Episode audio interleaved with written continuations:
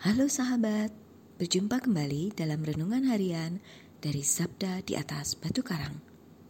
Hari ini, Senin 9 Januari, merupakan hari biasa pekan yang pertama. Gereja memperingati Pesta Pembaptisan Tuhan. Peringatan Santo Andreas Corsini, seorang uskup dan pengaku iman, serta Santa Marciana, seorang martir. Renungan kita hari ini terinspirasi dari bacaan kitab suci. Bacaan pertama dari kitab Yesaya bab 42 ayat 1 sampai dengan 4 dilanjutkan dengan ayat 6 sampai dengan 7. Bacaan kedua dari kisah para rasul bab 10 ayat 34 sampai dengan 38. Dan bacaan Injil suci dari Injil Matius bab 3 ayat 13 sampai dengan 17.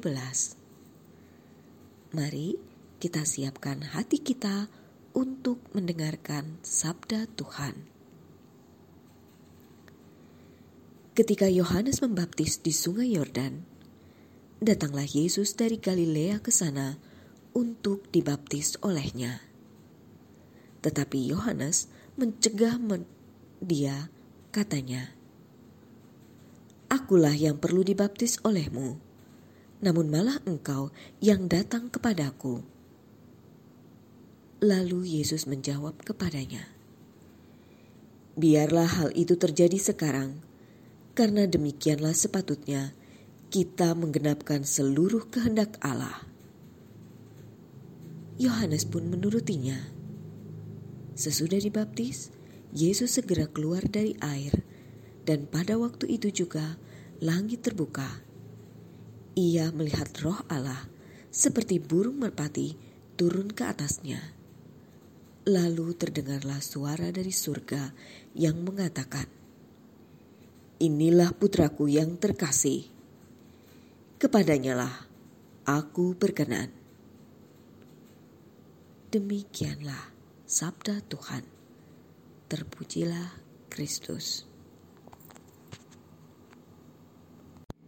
Saudara-saudari yang terkasih, sebagai orang Kristiani, kita sering mendapatkan pertanyaan atau pengajaran agama yang kadang dapat membuat iman kita goyah.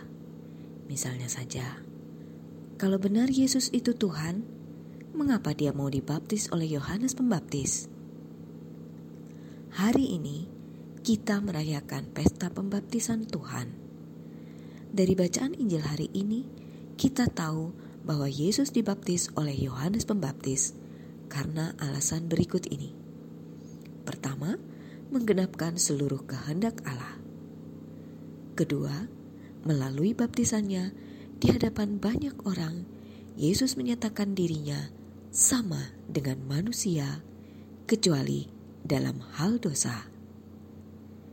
Yang terakhir, baptisannya itu adalah tanda berkenannya Allah atas kesediaan dirinya dalam mewujudkan rencana keselamatan dunia melalui penderitaan dan wafatnya di kayu salib. Saudara-saudari yang terkasih, dengan alasan tersebut, maka kita boleh bersyukur atas baptisan yang telah kita terima. Dengan baptisan, kita tidak saja menjadi anggota gerejanya, tetapi kita pun hidup juga menyerupai seperti Yesus dan bersamanya ikut serta dalam karya keselamatan dunia. Ya Yesus, aku bersyukur atas baptis yang mulia, tanda rahmat dan imanku akan dikau. Amin.